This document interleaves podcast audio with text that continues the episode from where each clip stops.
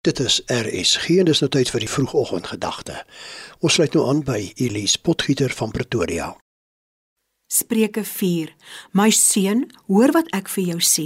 Luister goed na my woorde. Moed dit nie vergeet nie. Hou dit altyd in gedagte want dit beteken lewe vir die wat daarna luister. 'n Volle lewe vir hom wat dit besit. Wees veral versigtig wat met jou hart omgaan, want dit bepaal jou hele lewe.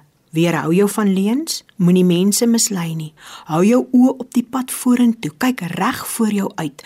Baken jou koers af, dan sal jy seker wees van elke tree. Moenie links of regs wegdraai nie. Weerhou jou van die verkeerde koers en onthou, wees veral versigtig met wat in jou hart omgaan, want dit bepaal jou hele lewe. Goeiemôre luisteraars. Jesus het hierdie spesifieke onderwerp so aangespreek. Hy het in Matteus 12 gesê: "As jy sê 'n boom is goed, moet jy ook sê sy vrugte is goed. En as jy sê hy sleg, moet jy ook sê sy vrugte is sleg." 'n Boom word tog aan sy vrugte geken. Julle slange, hoe kan julle wat sleg is iets goed sê? Waar die hart van vol is, loop die mond van oor. Die goeie mens bring die goeie te voorskyn uit die oorvloed van die goeie dinge in sy hart. Die slegte mens bring die slegte te voorskyn uit die oorvloed van die slegte dinge in sy hart. So wat moet ek en jy doen om ons hart te bewaar sodat dit nie slegte dinge in ons lewens tot gevolg sal hê nie? Ek gaan dit so verduidelik. 'n Goeie vriend van ons gesin het onlangs 'n hartaanval gehad.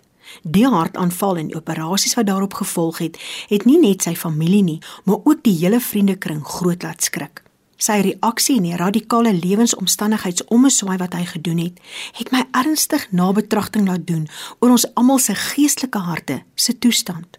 Sy dieet was onmiddellik aangepas. As ons vriende saam kuier, word sy kos op die regte manier voorberei.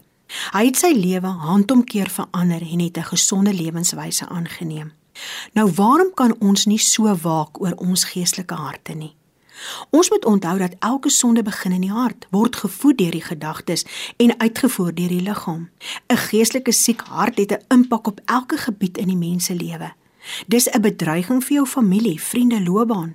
En daarom is dit van uiterste belang om elke gedagte vas te vang en te onderwerp aan die Gees van Christus wat in ons woon. As ons ons lewens met God se woord gaan voed, gaan God se vrug duidelik in ons lewens gesien, gehoor en beleef kan word. God ons Vader sal ons beslis daaroor seën en daarom is ons gebed vir oggend. Vader in die naam van Jesus Christus wil ek my hartsdieet verander. Help my asseblief. Amen. Dit was dan Elise Potgieter van Pretoria wat ver oggend se vroegoggendgedagte hier op RSG aangebied het.